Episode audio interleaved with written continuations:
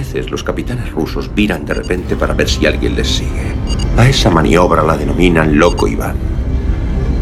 Lo único que puedes hacer es parar en seco tu nave y esperar los acontecimientos.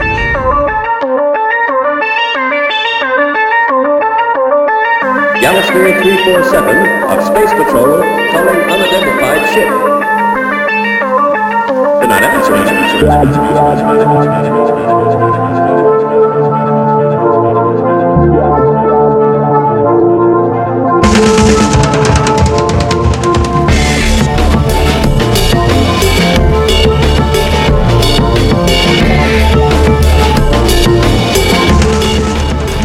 Boa noite a todos e a todas. Prepárense para pasar unha hora repleta de aventuras a bordo do submarino nucelar máis intrépido de toda a Unión Soviética.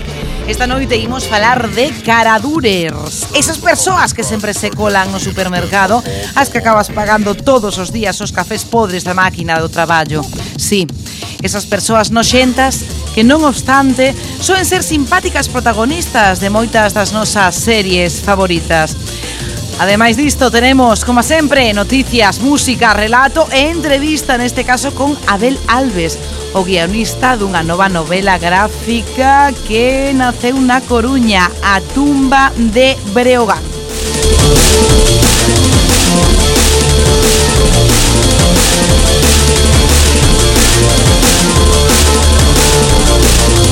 Yeah. Please stand back from the automated door and wait for the security officer to verify your identity. Before exiting the train, be sure to check your area for personal belongings. E todo isto non sería posible se non tiveramos o señor Bugalov na sala de máquinas. Nos torpedos, o camarada Lamelov Boa noite, camarada. Estará na cociña o xefe, o xefe de cociña, Birnarem. Presente. O intelectual o IMM intelectual moderno de merda, o noso querido Esmendrellev. Sempre saudando a todas e a todos. E unha fortísima aperta, un aplauso único mm. para a camarada de Oscar que volve da misión na Antártida. Gracias, oh, eh. inda teño caramba nos colgando do cu. Saúda vos a capitana Esbletana Ibarruri, isto é Loco Iván, comezamos.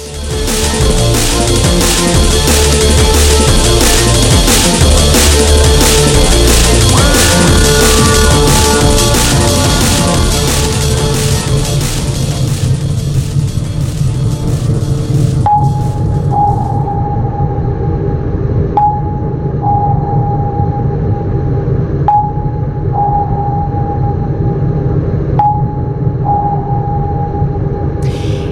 Venres Noite falamos directamente, pero xa saben que se poden poñer en contacto con nós durante toda a semana nas redes sociais, na conta de Twitter arroba loco Iván Cuac ou no Facebook loco Iván Cuac tamén. Xa o saben, no número de teléfono 881012 881012232 e no WhatsApp ou no Telegram no 644 737 303 644 737 303 Eh, xa saben que nos poden mandar todas as noticias, toda a información que é necesaria repasar neste momento, así que arriba Periscopio.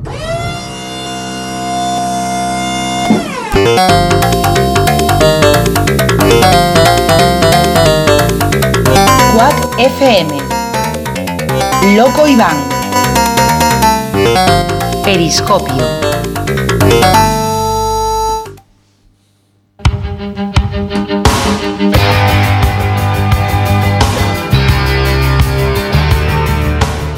ben, pois teño algunhas cousiñas que contar hoxe. Por exemplo, que xa está disponible a beta de Legends of Aria Que, non sei se lembrades, un videoxogo que se chamaba Último Online O mítico Último Online Pois vería ser como unha resurrección dese videoxogo Feito por outra compañía, con outro nome pero eh, que digamos que é o videoxogo actual que máis se pode semellar a ese último online. Un xogo eh, feito por Citadel Estudos e eh, que, bueno, permitirá pois xogar o rol online con milleiros de, de persoas. E tamén comentar, xa que falamos hoxe de Caradures, que, bueno, eh, comeza o suizo contra un dos infames youtubers máis infames españois, que se chama o Dallas Review. Mm. Sí, bastante noxento eh, Ultra, é que, ultra noxento. Ultra noxento, penso que é unha das persoas máis noxentas que existen neste planeta Unha das eh, Unha das, pero Unha, unha delas, pero Bastante. Bueno, pois pues, un suizo por machirulo violador de menores, eh, maltratador ou algo así. Bueno, non importa. O caso é que a ver se o empuran ben porque pouco menos que merece ir ao gulag. E tamén hai un rumor na web de Obsidian, pois aparece unha conta atrás, misteriosa destas de publicidade así encuberta, pois un novo videoxogo de Obsidian, que polo visto terá pois detrás ao Leonard Boyarsky e a Tim Kane, que son os responsables, pois, os principais responsables da creación de Fallout, da saga Fallout, que é un videoxogo que sabedes que nos gusta moito. Uh -huh. Pois quedan seis días para esa contrata, a ver que pasa. E eh, Argentina, ademais de, bueno, pois de non saber facer Que está, ocurre... que está ocorrendo en Argentina? Sí, sí, está ocorrendo, primeiro que está ali o G20, pero ademais en Argentina non saben facer finais de fuchibol, mm. pero saben facer videoxogos. E acaban de sacar un videoxogo en Early Access que é rol táctico con accións e consecuencias que se chama Element Space, e xa está pois en Steam. Mm, cementerio de canelones. Es, catarata de carne. Bueno, saben facer moi ben os insultos e os videoxogos. Mm. Pois hai un autor estadounidense que seguro que coñecedes que se chama Christopher Paolini, que é autor de Eragon, a saga Eragon, e bueno, ten unha nova obra que se chama O Garfio, e a feiticeira e o dragón, con a colección de relatos formado por tres novas ambientadas no mundo de Alagaesia. E ademais o autor di que haberá un quinto libro da saga. Bueno, Tamén o gran correiro Alan Moore, que ademais fai cómics, pois prepara unha mega novela chamada Jerusalén, bueno, acaba de sair eh, hai dous días, que costa 60 denarios e ten 1300 páxinas, está ambientada precisamente bueno, na pues, un bo, unha boa relación prezo Claro, páxina. prezo está ben, sí, ao peso sai moi ben, o denario, o denario por páxina está está bastante ben coberto. Bueno, fala dunha historia en Jerusalén moi peculiar. E logo, dúas así breves, Xenonauts 2, que conseguiu financiación a través de Kickstarter, tamén entra en beta, xa sabedes unha especie de Xcom pero bueno, máis semellante aos primeiros, e o 20 aniversario, pois, divao da rede de simulación virtual e de controladores virtuais aéreos que cumpre 20 anos. Parabéns a Ibao.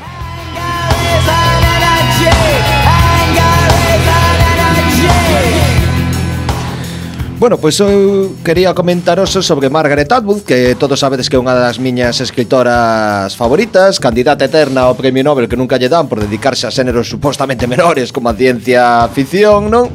E que parece ser que esta muller eh, quero un aplauso de aprobación, que esta vez vou no pedir eu, vai no, escribir... No, vostede non pode pedir un aplauso, un momento. Eu, capitana, vou pedir un aplauso para Margaret. Non se acostume capitana. a pedir nunca aplausos. Bueno, pois este aplauso penso que ben merecido porque Margaret Atwood vai escribir a segunda parte do conto da criada. Que moitos xa tiñamos moitas ganas, será para setembro do 2019, vaise chamar Testaments, e como esta muller non é un gordo cheo de ínfulas como de xogo de truños, xa dixo que, bueno, que ela escribe a novela e se tal a serie que vai polo seu lado, que non van ter nada que ver. O que pois o que pasan xogo de truños? Pois pasa que o tío pois vai se adaptando de outra forma diferente. Deus campo. Pois eu contovos que Adult Swim, xa sabedes o de Rick e Morty, mm. prepara unha nova serie oh. de animación sobre Blade Runner. Vais oh. chamar Blade Runner Black Lotus, e xa teñen pensada a primeira temporada, van ser 13 episodios de 30 minutos, eh, situado no ano 2032, co, eh, eh, van sair pois varios personaxes que salen nas pelis. O que non sabemos é cando, así que agardo que non sexa tamén no 2032 para estar eh, no mesmo tempo. Pero un, un dato importante sobre isto que lle vai gustar moito ao camarada Meloz que vai a ser unha serie de anime. Pois sí. Pero non, yeah. non Estaba estará, evitando o dato, pero Non estará feita por xaponeses. Bueno, eh, todo caso, non, non, eh, pois en realidade eh, algúns dos responsables primeiros son os de Ghost in the Shell, que, alguns, que por certo hai que decir son Shinki Aramaki e Kenji Ka, Kamiyama non teñen pinta de japoneses. Bueno, poden ser de Murcia, sí, seguro. Efectivamente. Este está, está Os típicos etiquetas. Kamiyama de Murcia. Claro, sí, que tira, vida, eh, tiran o oso da, Teñen, da, Teñen os ollos así eh, de Murcia. número dos do PP, pode ser. Eh, algo máis, eh, alguma noticia máis que destacar Birnarén tampouco. Bueno, no, pois mira, no, no, como xa temos xa, todo dito, xa é suficiente. Pois se antes foi arriba, agora que baixo periscopio.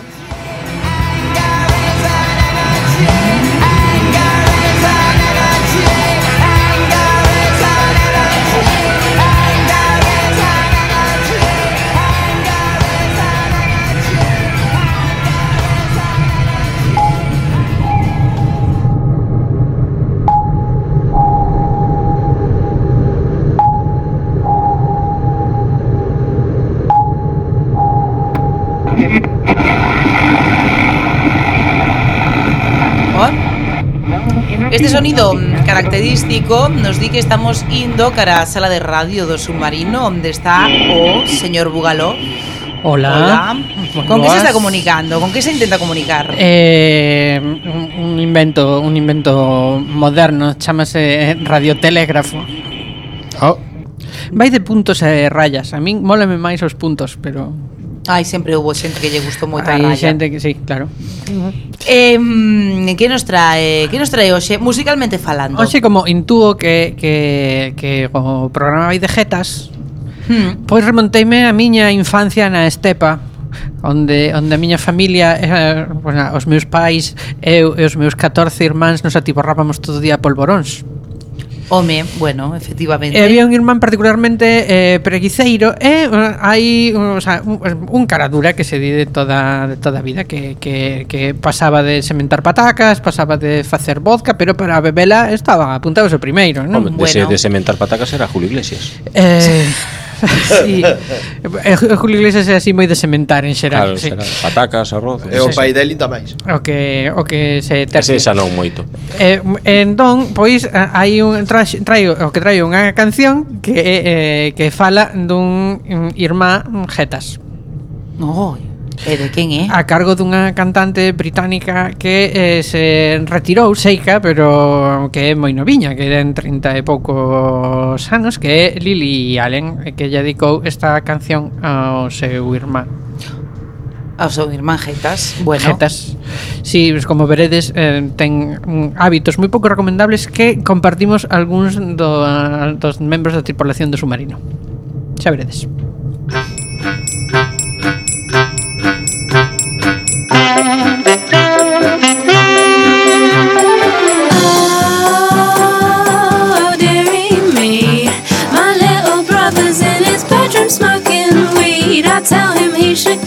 Cause it's nearly half past three. He can't be bothered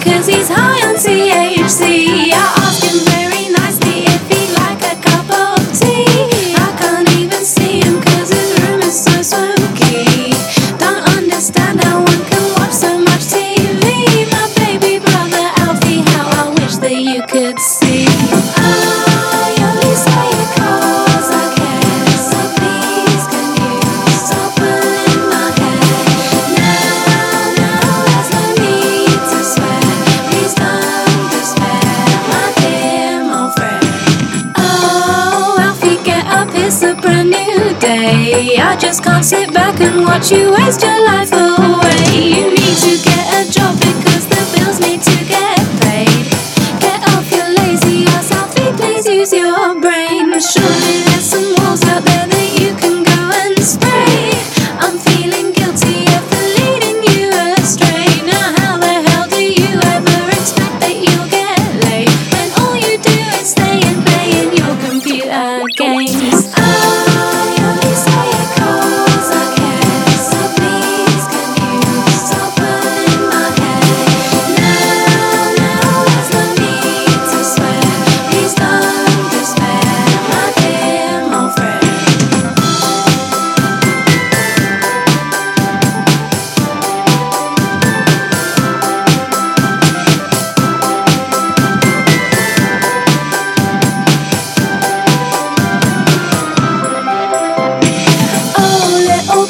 Please refrain from doing that. I'm trying to help you out, so can you stop being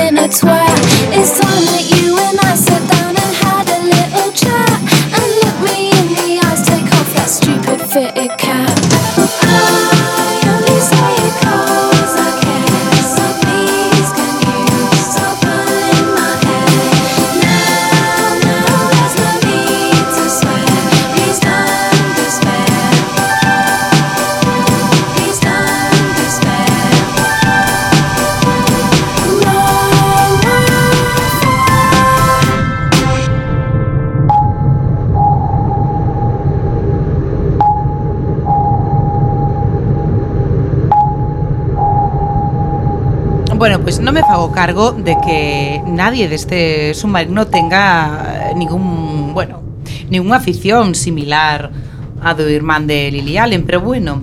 Eh, seguimos adiante. Eh, saímos da sala de radio e xa saben a onde nos toca ir.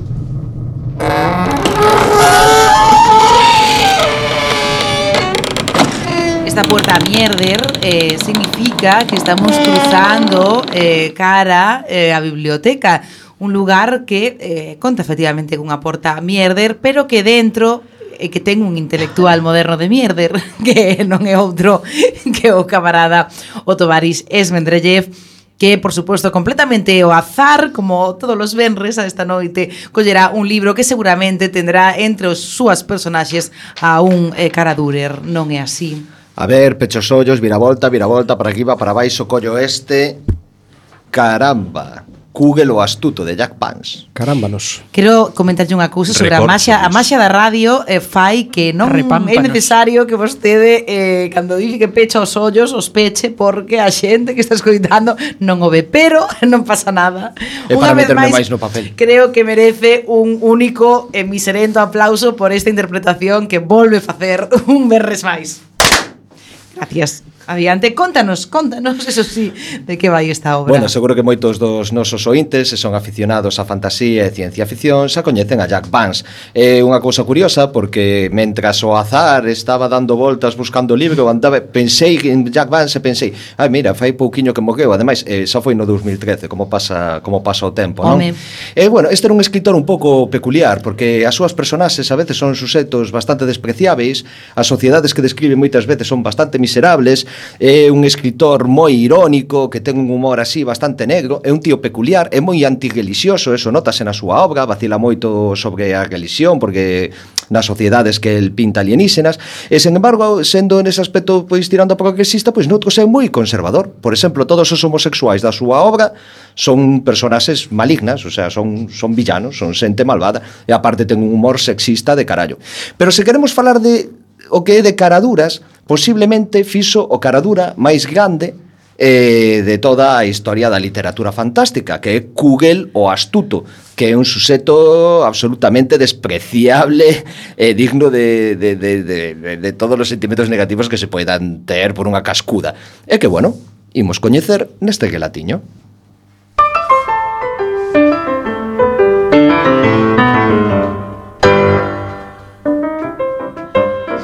Los cuatro hombres no mejoraron vistos más de cerca. Su pelo era largo y enmarañado, sus rostros ásperos, con ojos como escarabajos y bocas mostrando sucios dientes amarillentos.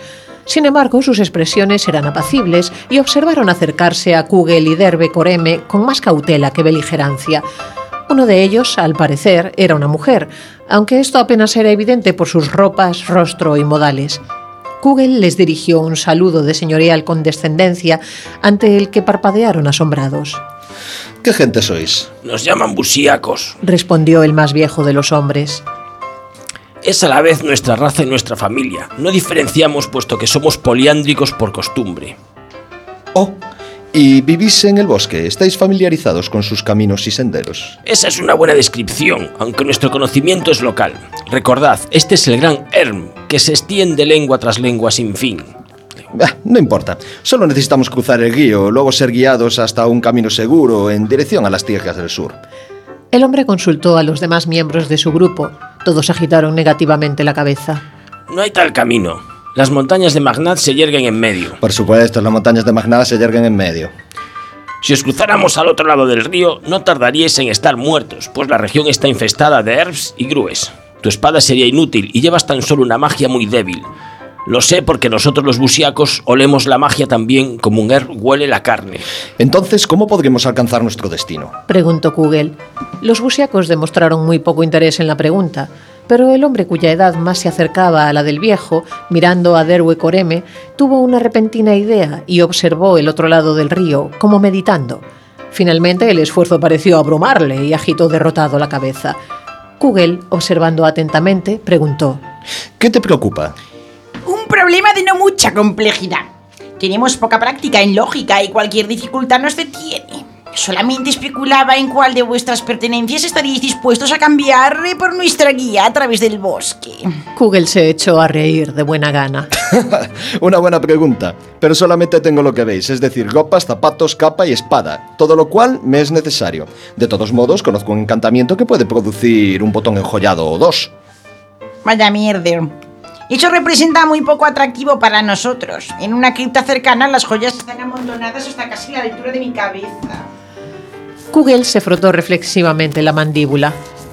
La generosidad de los busíacos es conocida en todas partes. Quizás pudieras conducirnos hasta esa cripta llena de tesoros.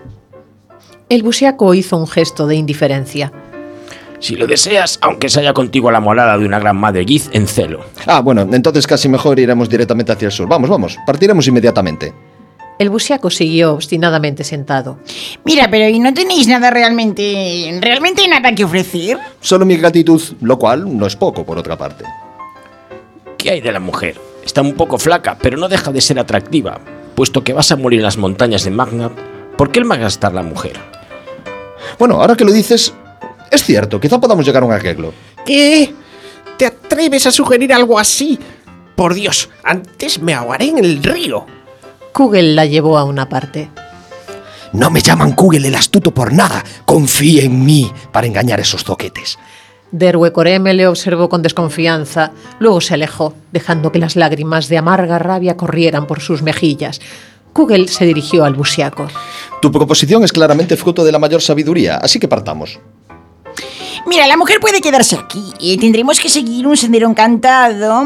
Y es necesaria una rígida disciplina. Derwecoreme mm, tiene que quedarse aquí con nosotros. Eh, eh, casi mejor no, ella es de temperamento sentimental y quiere verme seguro en mi camino a las montañas de Madgaz, incluso aunque vaya a morir que- muy seguramente, pero ella quiere verme seguro por, por el camino, sí, por el camino. El busiaco se alzó de hombros. Es lo mismo. Los condujo a bordo de la balsa, soltó la cuerda y empezó a manejar la pértiga para cruzar el río. El agua parecía poco profunda, la pértiga no descendía nunca mucho más de medio metro. Kugel tuvo la impresión de que vadearlo a pie hubiera sido igual de sencillo. El río hormiguea con reptiles cristalinos y un hombre que no lo sepa, apenas empiece a vadearlo, se verá instantáneamente atacado. Ah, de veras, ah, sí, reptiles cristalinos. Pues sí, de veras. Y ahora debo advertiros respecto al sendero. Hallaremos todo tipo de persuasiones, pero si apreciáis en algo vuestras vidas, no deis un paso fuera del lugar por donde nosotros pisemos. La balsa alcanzó la orilla opuesta. El busiaco saltó a tierra y la ató a un árbol. Ahora venid tras de mí. Avanzó confiadamente por entre los árboles. Derwecoreme le siguió y Kugel cerró la marcha. El sendero era tan poco señalado que Kugel no podía distinguirlo de la parte no hollada del bosque, pero el busiaco no dudaba ni un segundo. El sol, colgando bajo detrás de los árboles, podía ser entrevisto solamente a ratos, y Kugel nunca estaba seguro de la dirección que seguían, pero siguieron avanzando, cruzando la boscosa soledad donde no se oía ni siquiera la llamada de un pájaro. El sol, cruzando el cenit, empezó a descender y el rastro siguió sin ser más marcado. ¿Estáis seguros del sendero? Parece que estemos yendo a derecha e izquierda completamente al azar. Nosotros los habitantes del bosque somos gente ingenua, pero poseemos esa peculiar facilidad. Podemos oler la magia. El sendero que seguimos fue trazado en un tiempo demasiado remoto como para ser recordado, y mantiene su dirección solamente para gente como nosotros. Bueno, puede ser, puede ser, pero parece que el sendero da demasiadas vueltas. Y además, ¿dónde están las terribles criaturas mitológicas que mencionasteis? Solamente he visto un gatón de campo y en ninguna parte notado el inconfundible olor del Erf. Bueno, porque contra su costumbre están celebrando todos una reunión en otro lugar. Supongo que no te vas a quejar de ello, ¿no? Oye, sigamos antes de que vuelvan. Y reanudó la marcha, siguiendo un sendero no más identificable que el de antes.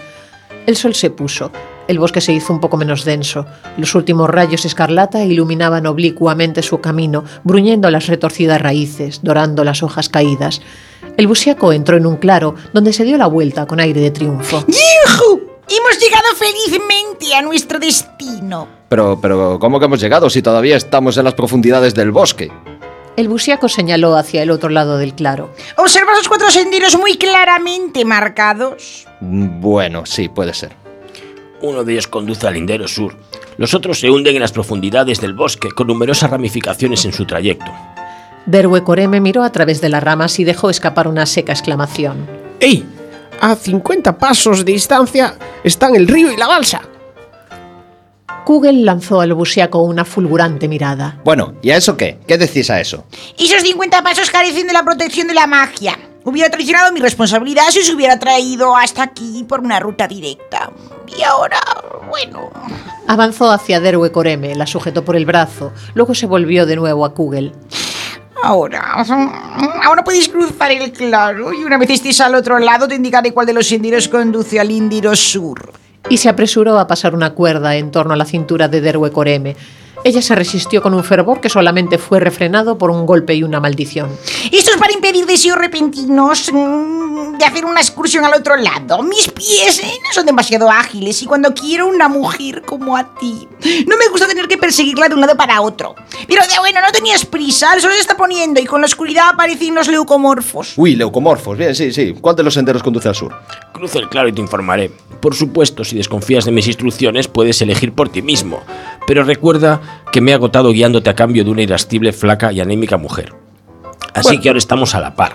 Google, Bueno, eh, ¿qué quieres que te diga? Mira, piénsalo así, verme. Parece que esto es lo mejor. Las montañas de Magnat son conocidas como muy peligrosas. Al menos tú estarás segura con este tosco pillastre. Kugel miró dubitativo al otro lado del claro, luego a Derwicoreme, que le contemplaba con abatido desánimo. Habló alegremente. Y eso, que casi mejor que te quedes con ese tosto, con ese tosco pillastre. No, libérame de esta cuerda. Es un engaño. Te está tomando el pelo. Coge el astuto. Mejor cógele el idiota. Uy, qué lenguaje tan vulgar. El busico y yo hicimos un trato, entiéndelo, es decir, un acuerdo sagrado. Yo soy un hombre colgado, tengo que cumplirlo. ¡Mata a ese bruto! Emplea tu espada. El lindero del bosque no puede estar muy lejos. Bueno, a ver, a ver, sí, el lindero del bosque no puede estar muy lejos, pero un camino incorrecto puede conducirme al corazón del Ganger. Mejor tener que soportar este insulto rufián que arriesgarte a morir conmigo en las montañas de Magnaf. El busiaco sonrió satisfecho y dio a la cuerda un tirón apropiado. Kugel se apresuró a cruzar el claro, perseguido por las imprecaciones de Derbecoreme, que campanillearon en sus oídos hasta que fueron silenciadas por algún medio que Kugel no observó. por casualidad te estás acercando al sendero correcto. Síguelo y al cabo de poco llegarás a un lugar habitado. Kugel devolvió un último saludo y siguió adelante. Chao, eh. Jope, esta mujer es una monomaníaca. Le faltaban claridad y percepción. ¿Cómo podía hacer otra cosa para su bienestar y el mío? Soy la racionalidad personificada. Tenía que hacerlo. Es impensable insistir en otra cosa. Apenas a un centenar de pasos del claro, el sendero salía del bosque. Kugel se detuvo en seco. ¿Solo un centenar de pasos? Frunció los labios. Por alguna curiosa coincidencia, otros tres senderos abandonaban del mismo modo el bosque en las inmediaciones, todos convergiendo cerca del suyo. Interesante. Es casi tentador volver junto al busíaco y pedir algún otro tipo de explicación.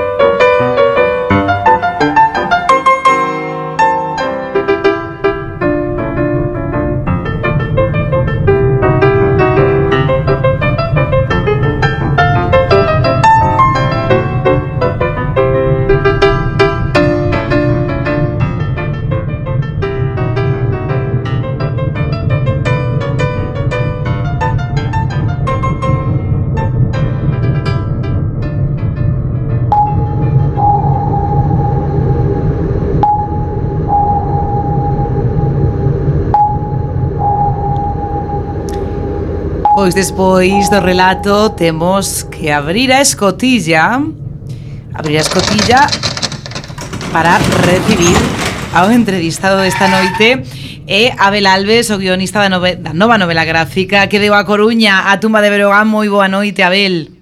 Hola, boa noite, que tal?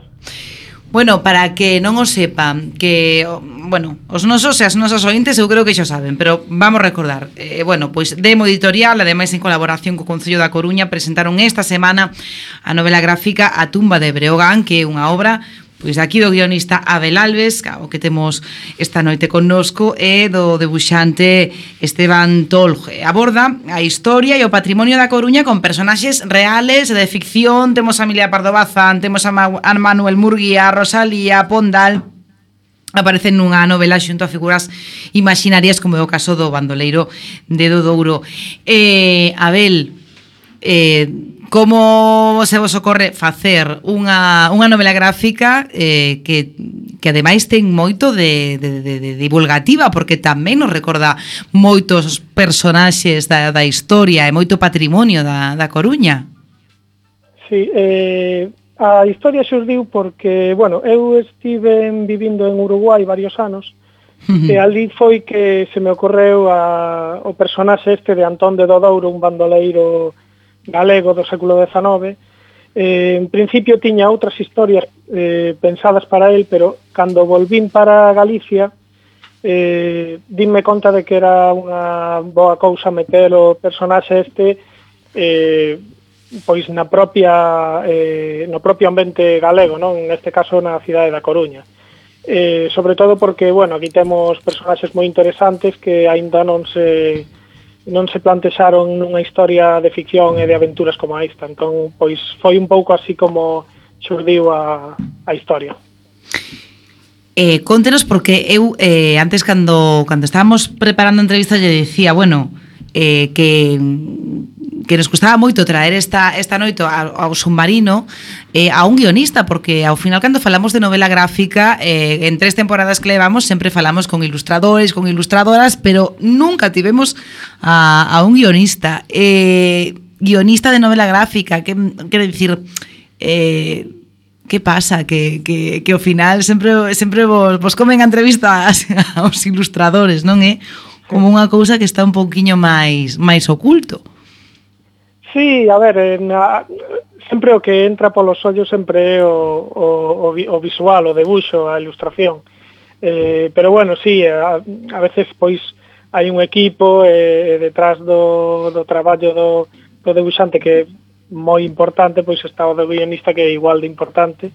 Eh, e sí, a veces estamos un pouquiño máis á sombra, pero bueno, eh, eh, eh, o, o importante é eh, e que saia a obra e, e que se fale dela e logo estar un pouco máis atrás ou máis adelante de, non, non é tan importante, penso. Mira, eh, como é o traballo, o sea, como debe empatar o guionista co debuxante, neste caso con Esteban, que non sei se o coñecías, se a vosa unión xurdiu eh, pois para este proxecto en concreto. Eh, si, sí, eu, eu coñecino brevemente cando vivía ali en Uruguai, porque ele é argentino, eh, a min gustaba moito o seu estilo porque eu esta historia tiña plantexada pois un pouco como eh, a típica historia do, dos álbumes europeos de, de Ergué, Tintín eh. entón o estilo de Esteban é moi eh, é moi parecido a, a, ao de estos uh -huh. eh, autores europeos de liña clara, clásicos sí. eh, franco-belgas entón eh, vamos, pensei que, que era unha boa lección para esta historia e bueno, el, a el lle gustou moito e, e aceptou e bueno, estou contentísimo co resultado. Bueno, e ademais eh, como é eh, traballar con, con Manuel Cráneo tamén, con Manuel Cráneo que tamén o temos eh, moito aquí, o que baixou moitas veces o submarino eh, que tamén está un pouco aí metido na, na, na creación, non unha edición máis dendo deste, deste proxecto.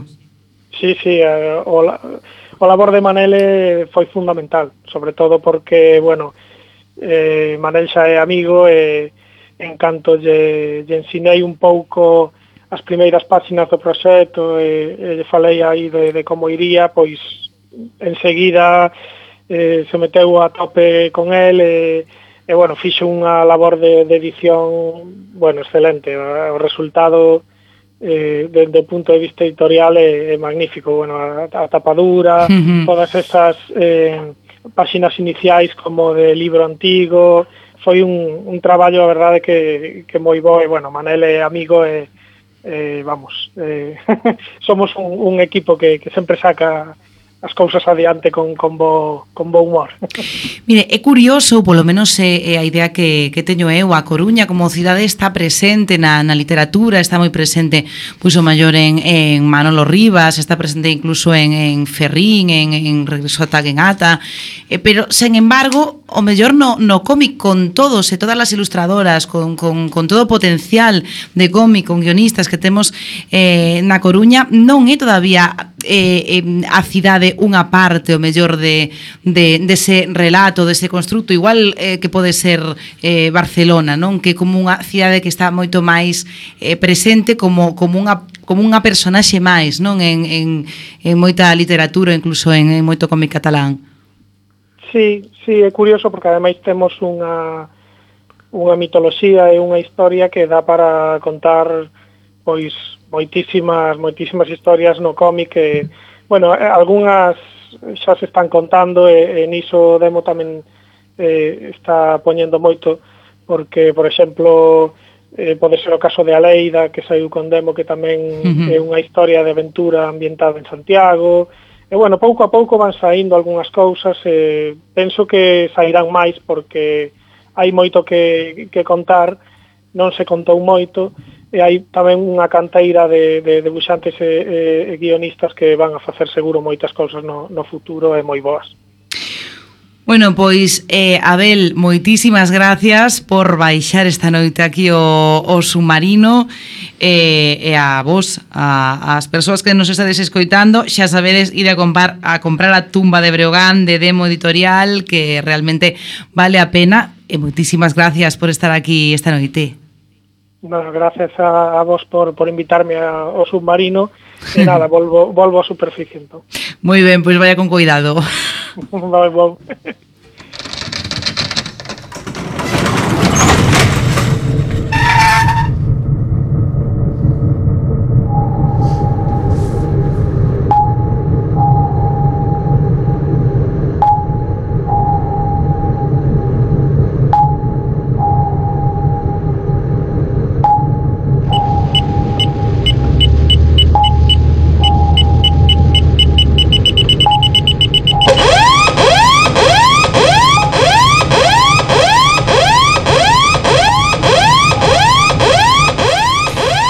que es, es de sobresalto. Bueno. Ay. Chegaba un roqueiro. Era, era por eso. Mm. Eh, oga, ya, pero no. Aquí neste submarino non chegan roqueiros. Chegan, pois, xefes de cociña como a ti. En fin, eh, vamos a facer unha inmersión profunda no que o mundo dos caradurers Beosca, por certo, empezo a pensar que vostede pode ser unha auténtica cara durer. Por qué? Porque xa fai unhas semanas que eh, que está cobrando eh, Pero, pero, pero eu tiña unha misión moi importante no Polo Sur e fixen, ben, pois un informe eh, moi largo que mm, ben xa o entregarei en algún momento e que basicamente, ben, o resumo é que facía moito frío Bueno, sabe onde está Stajanov, non? Pois, en fin. Eh, Non llevo quitar o sitio, pobre. bueno, vamos a facer un repaso rápido, Beosca. Esas personaxes, esas personaxes eh, mm, así como mm, Caradurer, esas persoas que nos quitarían o café, esas persoas que, que, que desafiarían a miña vontade Pois Puximos empezar cunha personaxe que igual non a tiñades posta na vosa cabeciña moi como cara durer, pero que realmente o é, é Penny, a de Big Bang Theory que bueno, sí. ben, xa sabedes que durante varias das primeiras tempadas ela é camareira que é certo que o soldo dunha camareira non dá para moito pero Tamén é certo que é un desastre cos cartos Gustan as compras, sair de festa e Facer gastos sen pensar demasiado Así que que o que pasa? Pois que cando toca pagar as ceas de grupo Que normalmente fan en casa de Sheldon e Leonard El total es 28-17. Digamos que 6 pavos por cabeza. Aquí tienes. ¿Qué? Ah, ¿qué quieres que pague? Tengo poco dinero suelto. ¿Cuánto tienes? Nada. ¿Cómo puedes ir por ahí sin dinero? Soy guapa y basta. ¿Cuánto te debo ya? Bueno, contando la comida india, la pizza, la tailandesa, el depósito de gasolina, el helado de yogur y el alquiler, un poco más de 1.400 dólares. Podemos incluir a Wifi tamén que utiliza a dos rapaces. Eh, de feito Sheldon cambia constantemente a contrasinal e pon contrasinais novas de tipo Penny pagache a, tu, a túa propia Wifi sen espacios. Eh, pero bueno, tamén hai que dicir que é unha, digamos, unha caradura tipo B, porque tampouco é moi moi Claro, caradura, trata de compensar un pouco, Bueno. vai pagando algo cando pode, Claro. mercalles regalos de agradecemento, to, como É cando lles certo. compro estes, estes bonecos de, de Spock co teletransportador e Ese todo isto. episodio é e- glorioso. É verdad, é unha caradurer, pero bueno, unha caradurer con, con, con, con necesidade cun aquel de que vai de que vai pagar. Efectivamente, é, se é queremos unha proletaria, unha proletaria. Claro, o que unha proletaria de ben. Se queremos unha caradura tipo A, A++, de feito, temos a Chloe McGruff, eh, a, a coprotagonista de Apartamento 23, que hai que dicir que o título original é Non te fíes da P do Apartamento 23, que ven, que ven sendo ela. Ela. Eh, está interpretado por Kirsten Ritter, que actualmente está moi de moda por Jessica Jones. Eh, Chloe resulta que é unha estafadora que, entre outras cousas, adícase a buscar compañeiras de piso para cobrarlles unha gran fianza e logo falle esa vida imposible para que deixen o piso canto antes e quedar cos cartos. Así que a protagonista, Jun, atópase con que Chloe pois comese a súa comida, monta festas pola noite non a dixe a dormir para ir traballar temprano, incomoda paseándose en pelotas pola casa e meténdose no baño cando ela está na baña bañeira, engana para recuperar un moble porque ten dentro pastillas para para trapichear, emborracha un neno que é paciente do seu noivo para sacarlle información e termina liándose co seu noivo, eh, aínda que isto hai que dicir que faino por un bo motivo, aínda que parece sorprendente. E estamos falando só do primeiro episodio. Pero eu pensei que era unha temporada isto. No, no, no, eso o primeiro episodio. Así A mí que, que máis me gusta de emborrachar. de emborrachar un menor está mal, pero bueno. Pero é divertido. Sepa que quedarse co seu noivo está ben. Claro, claro, claro. Efectivamente. E algo máis, creo que ten máis máis uh -huh. pois outro cara dura que pasou a historia é Chris Peterson de Búscache a vida eh, que un solteiro de 30 anos que Home, eh, aínda eh, vive cos pais, cousa que agora nos pode parecer como a que é onde está a gracia, pero que Pero naquel momento en, en Estados 1990, Unidos, que era cando saiu a serie, pois pues, non que era, era unha serie que como me gustaba esta serie que ademais o tipo vivía pois encima non do, do, do garaxe dos pais neste nestas guardillas de Estados Unidos e claro que el creía mm. que Sí, tirando eso dos cartos dos pais, sendo repartidor dende que era neno e sen intención ninguna de que ese statu quo remate os pais ata o moño, por suposto. Hai que dicir que esta serie, curiosamente, para todo o impacto que tivo, sobrou dúas tempadas. So, foron só so 35 capítulos, creo, pois pues, unha claro, cousa así. O que pasa que estás Pero foi es, é destas sí, que nos sí, lembramos sí. sempre porque no seu momento foi moi rompedora. Foi moi rompedora e o de feito creo que todos nos rec recordamos algún capítulo de, de, de Chris Peterson, por favor. Eu recordo moitísimo eh, cando descubría un, un un, un extraterrestre que se chamaba Vomitón que eh, que, que facía eh, café polos codos, o sea, se ponía así e lle caía eh, a crema de, así café e capuchino polos así con crema polos E codos. sintonía de REM bastante Super, gloriosa. sí, sí, sí, sí. Pero esta serie ainda non saiu, ¿no? Porque sai no 90, dicides? Eh, bueno, está para sair, está para sair. sí, a puntiño. E rematamos con alguén que tampouco estaría na vosa lista de caraduras, pero que temos que pensar no tema que Rizos de Ouro. Sí, sí, a do conto dos tres osos. Eh, Eh, aquí abriunos os ollos Roald Dahl no seu libro Contos en verso para nenos perversos, eh, onde fai un eh, utilísimo e moi de moda revisionismo histórico, pois de contos como Brancaneves, Cincenta, Os Tres Porquiños e moitos outros. E pensando no tema de Rizos de Oro, empeza por explicarnos pois que o primeiro que fixo foi un allanamento de morada. E a partir de aí a cousa eh, pois, pois, pois, pois. empeorou un moitísimo. Nos di, por exemplo, Pues bien, en cuanto dejan la mansión, se cuela rizos de oro en el salón y cual reptil sinuoso y repelente lo curiosea todo soezmente, al punto ve el potaje apetitoso que puso en los tres platos mamaoso y en menos tiempo del que aquí se cuenta, sobre ellos se abalanza violenta. Imagínense, insisto, qué faena, después de preparar cosa tan buena que acaba en el estómago incivil de alguna delincuente juvenil. Bueno, que encarnaba Queda aí para iso... arriba, así que máis cara dura de rizos de oro. Bueno, eu é tamén teño que decir na súa defensa que que narra iso non lle quere demasiado, porque, en fin, Bueno, e a todo é que engañe, eh, porque o príncipe encantador este... Pero a ver, a quen, quen pode querer a Rizos de Ouro? O sea, ninguén. ninguén. Mm. Porque Rizos de Ouro é como... Eu que sei, Rizos de Ouro o mellor creceu eh, era Esperanza Aguirre que era tamén unha maltratadora animal.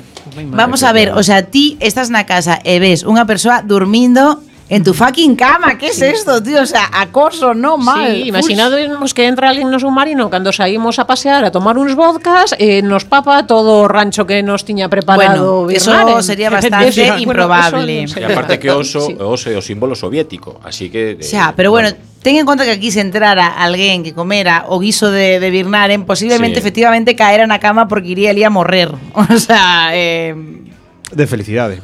Tamén pode Sí. ser. Eh, oye, e que máis? Pola A quen miña toca banda, agora?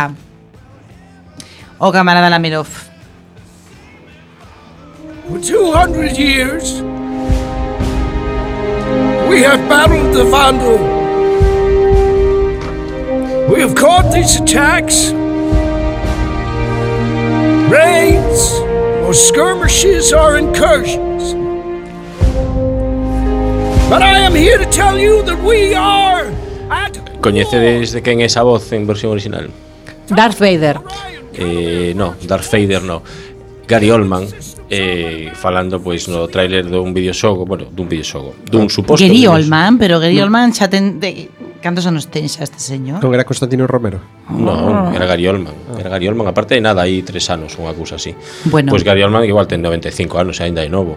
Bueno, pois presentando un tráiler eh, do Star Citizen que é un videoxogo, un simulador, un, bueno, un presunto simulador tamén un xogo de acción en primeira persona que leva sete anos de desenvolvemento e que está feito por lo que eu considero xa que un dos maiores caraduras da historia do, video, do videoxogo ou un deles que é eh, Chris Roberts que, bueno, despois de ter un proceso de crowdfunding super exitoso, creo que tengo récord do mundo do crowdfunding eh, que financiou con máis cartos un videoxogo, máis de case 200 millóns de euros de denarios de Que me dis? Sí, sí, de crowdfunding, eso Estabas falando dunha moneda do futuro o euro. Sí, bueno, porque sabes que as cousas, eu sempre vou en previsión Eres un visionario. Un visionario do futuro. Bueno, pues casi 200 millóns de denarios eh, só vendendo eh, eh fume basicamente, porque o tipo tipo primeiro a xente financiou no, despois vendendo naves que supostamente iban a estar no videoxogo, pois conseguiu eso, máis pasta de que, que moitos videoxogos comerciais pagados por, por empresas. O tipo ademais un timo eh, piramidal. Un timo, bueno, que piramidal, pois pues un timo vertical. Pero a mí me gusta máis decir timo piramidal, sí, ¿no? piramidal como el bueno, rima filatélico pero que te terrible, o sea, leva sete anos o, o que o xa en versións novas e tal que son basicamente insugables ou que dan mil erros, incluso hai vídeos de coña xa no YouTube dicindo por fin eh, funciona o Star Citizen e vas a velo e empeza a ver todos os erros que ten e tal, pero bueno, promete moito e tal. E, e gastar toda a pasta, pois ou viaxes nas Bahamas ou en vídeos como este, eso contratando actores famosos que tamén sae noutro, pois Mark Hamill e, ou contrataron o diseñador da máscara de Iron Man para facer as, o, o bueno, o sistema de ventanas da das, das naves e tal. En fin, que é un, un bueno, toda a xente que invertiu pasta nese videoxogo xa está pois pues, eh, que bota fume polas orellas, aínda que a idea parecía moi boa, parecía moi boa. Eu teño unha curiosidade, non saberás a 200 millóns o número de timados, non? Canto puso cada pringui aquí no Pois pues non sei, pero mira, hai naves que chegan a costar 400 euros, eh? Carallero. Naves virtuais, é dicir, ti mercas o dereito a usar unha nave no videoxogo que logo supoño que cando saia o videoxogo poderás mercala co diñeiro de videoxogos, dos cartos do videoxogo, non do, do que paga realmente. Entón, claro, a xente está un poquinho xa mosca porque xa son sete anos. E a idea é boa, eh, porque podes ir nunha nave, pilotar a cos teus compañeiros, atraer planetas, logo pasar polos planetas e tal, os gráficos moi chulo, pero claro, é como, en fin, que se sobre, sobredimensionou todo. Claro, claro, estaba sobredimensionado. Vamos a ver. Por fa, por Dior, o sea, 400 mm, denarios por unha nave virtual como Pois xa en serio. En fin, o mundo é así. É que o capitalismo xa sabedes. O capitalismo é Ademais de eh, cruel e estúpido. É de mongers, perdón. Mm. Eh, que xa sei que non podemos dicir esa palabra. Eh, bueno, eh, que máis? Eh, mm, Esmendrellev, querido, Bueno, pois eu a verdade que se tivera que pensar en caraduras que na literatura hai moitos eh, desde os personaxes do satiricón de Petronio hasta os meus favoritos de toda a historia da literatura que son eh, os tres mosqueteiros pois o mellor iríame moito o que todo o mundo sabe claro. entón Ose quería comentar só sobre dúas personaxes que son dous grandes caraduras da, da novela de Espada e Bruxería, que son Farce e o Miñato Gris non sei se vos sonan, é de Fritz Leiber, un gran escritor de fantasía e de ciencia e de ciencia ficción. Por suposto. En total é unha serie de sete títulos de libros e outros innumerables relatos que fixo este home. É unha cousa curiosa porque realmente o personaxe son basicamente un bárbaro de dous metros, moi romanticón, e moi botío, é un taciturno pícaro de metro sesenta, máis pequeniño, que pelexa con espada copera e gustalle aí trapear a navalla pola espalda e tal, e que van por aí coquendo aventuras pola cidade de Lacmar e eh, polo mundo de Meuon, non? Un mundo de, de espada, de bruxería, con demos, eh, seres feéricos, etcétera, etcétera, etcétera. E bueno, pois basicamente eles eh, comenzan, estaban pensados como personaxes separados, e de feito teñen relatos separados, hasta que de pronto decidiu facer un dúo que durou moitos anos e tivo moito éxito con eles, Fritz Leiber, e bueno, basicamente os libriños comenzan con que coñecen os dous nunha taberna as súas dúas respectivas mozas, e están todos tranquilos e de pronto pasa por aí algo, e algo lles pasa as mozas, e desde entón son amigos, empezan a comportarse un pouco como adolescentes durante o resto das súas aventuras. Hai unha cousa curiosa que eu creo que debemos reflexionar eh, certamente aquí que é que normalmente os personaxes caradurer, os personaxes un pouco mierder, soen ser baixiños. Eh, é verdad, sí, o sea, non, eu con todo o meu ah, cariño ah, cara a xente baixa que non o teño, e, e pero eh, sí, sí, sí, pero é así como non porque, bueno, o de Mortadelo e Filemón quen é como o máis cabroncete o máis cabroncete non, o máis decadente, non, incluso dos dos dous. Bacterio. Eh, é eh, eh, o pobre Filemón Pi. Ah, bueno, Filemón. Eh, sí, pero baixo, baixo Filemón. Bueno, pero era eh. máis baixo que Mortadelo. Pero que Mortadelo era moi alto. Bueno, pero sempre hai ese, non, esa esa esta Bueno. Existe ese cliché, eh, é verdade, e bueno, a verdade é que todos supoño que o temos un pouquiño na, na mente por todas as obras que se fixeron. Claro, de, sobre todo, o, eh, quero dicir, en Vox tamén o teñen na mente, non? Porque eles se dan conta sí, en eh, de que tamén. os seus principais ídolos son fillos de puta e son baixiños, non? Entón, este, eh, eh, quero dicir... Pero por eso se suben un cabalo. Claro, efectivamente, efectivamente, o sea, está, se subiron un cabalo, pois... Eh. E por eso non gañan eleccións a xente baixiña, claro. Claro, por eso fan golpes de estado, golpes guerras. De estado, guerras. Bueno, esto con todo cariño cara cara cara a comunidade Baixiña, sí. a comunidade baixa. Pero por, estamos falando de xente baixa, non de ananos. Os ananos os respetamos, eh? Aí, non sí. temos nada contra a controplasia. No, e de, e de feito eu quero facer aquí, eh, porque claro, como nos sobra tempo se darán conta de que estamos recheando, pero... ¡Ah! Que lle... ¡Ai, perdón! Perdón, me están, me están informando de que, de que Birnarén eu estaba aquí falando. Eu, eh, bueno, eh, a comunidade de Baixiña, eh, gracias por estos momentos. Eh, Birnarén ten cousas que dicirnos, eu non o sabía, Pero perdón. podes dicilas en Baixiña. No. O, hola, que tal? Que eh, tal, que tal, camarada? Eh, Xorca, estaba aquí un pouco eh, Benvido. afundíndome aquí na, na cadeira. É eh, verdad, estabas no, no ostracismo, pero, yeah. o sinto. Pero, bueno, eu vou a falar de cutreces eh, de xogos. E, entonces pois entra a música de verdade e non, e non o que estábamos escoitando ata agora. Así me gusta. Empezando como P. E vou a falar do Freddy Hardes, que, que é un playboy eh, juerguista millonario que ten que enlaza moi ben con un personaxe que vou a falar agora, que vou a falar un pouco máis, que era un xogo, este era un xogo para ZX Spectrum, e que curiosamente pois a súa imaxe é un pouco o que leva un pouco detrás pois enlaza cun personaxe dunha serie que é unha serie que non nos gusta nada en este submarino que vai a entrar agora a ver se si recoñecedes El orden democrático de planetas prohíbe nuestra intervención en mundos subdesarrollados. Es una pequeña norma conocida como Ley de Brown. ¡Oh, Futurama! Sus recursos fueron explotados hasta dejarlo vacío. Sí, por el equipo energético del orden democrático. Oh, esto no tiene sentido. No es mi misión hacer que comprenda esa ley, sino hacer que la cumpla. Pois o grande Zach Brannigan, Brannigan. Mm. Eh, que efectivamente era un, era un home que era un absoluto caradura porque digamos que intentaba eh, crear unha imaxe de si sí mesmo como que era ultra mega poderoso que se enteraba de todo, que facía todo e bueno, bueno se veía a simple vista que pero sí, era, non era, non era poderoso. Bueno, Quería ten, ser como a capitana pero... Tiña Cliff aí que solucionaba todos os problemas. Ah eh, e facía é o que fago bueno. os líderes claro. os subalternos basicamente eu podo dicir un intelectual da moderna de merda eh, sí.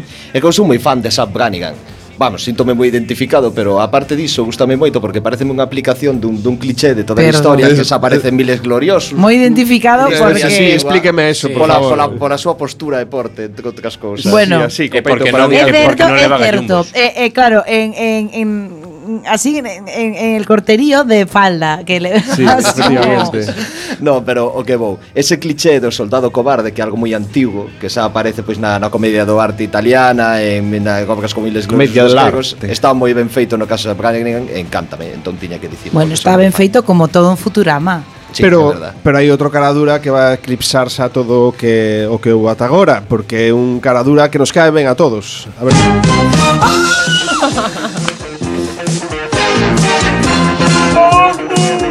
Pero cara dura, cara dura. Home, algo cara dura si que era. No, este Manu. este ah. home era un absoluto cara dura. Vivía nunha mansión polo morro que con Higgins, con Higgins, con Zeus bueno, e, e con Zeus e Apolo, que eran Ay. fundamentais, cos que non se levaba moi ben, por certo.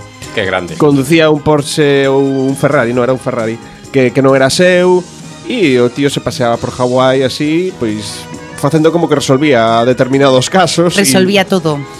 Sí, bueno, resolvía todo, efectivamente. Tamén tiña así algunha axuda, non? Dos personaxes secundarios que, bueno, sí. que lle arroupaban. E eh, a verdade é que é unha serie pois ultra mega mítica dos que anos non hai xa sintonías como esta? Efectivamente, toda esta este, este tipo de música que podemos identificar como californiano así rítmico eh, bueno, me estivo moi ben. Pero que perfecto, se non fora pola miña alocución, a alocución sen saber moi, que moi tiñas. A conto, moi a conto. Te das conta porque hemos acabado mallado o programa de hoxe.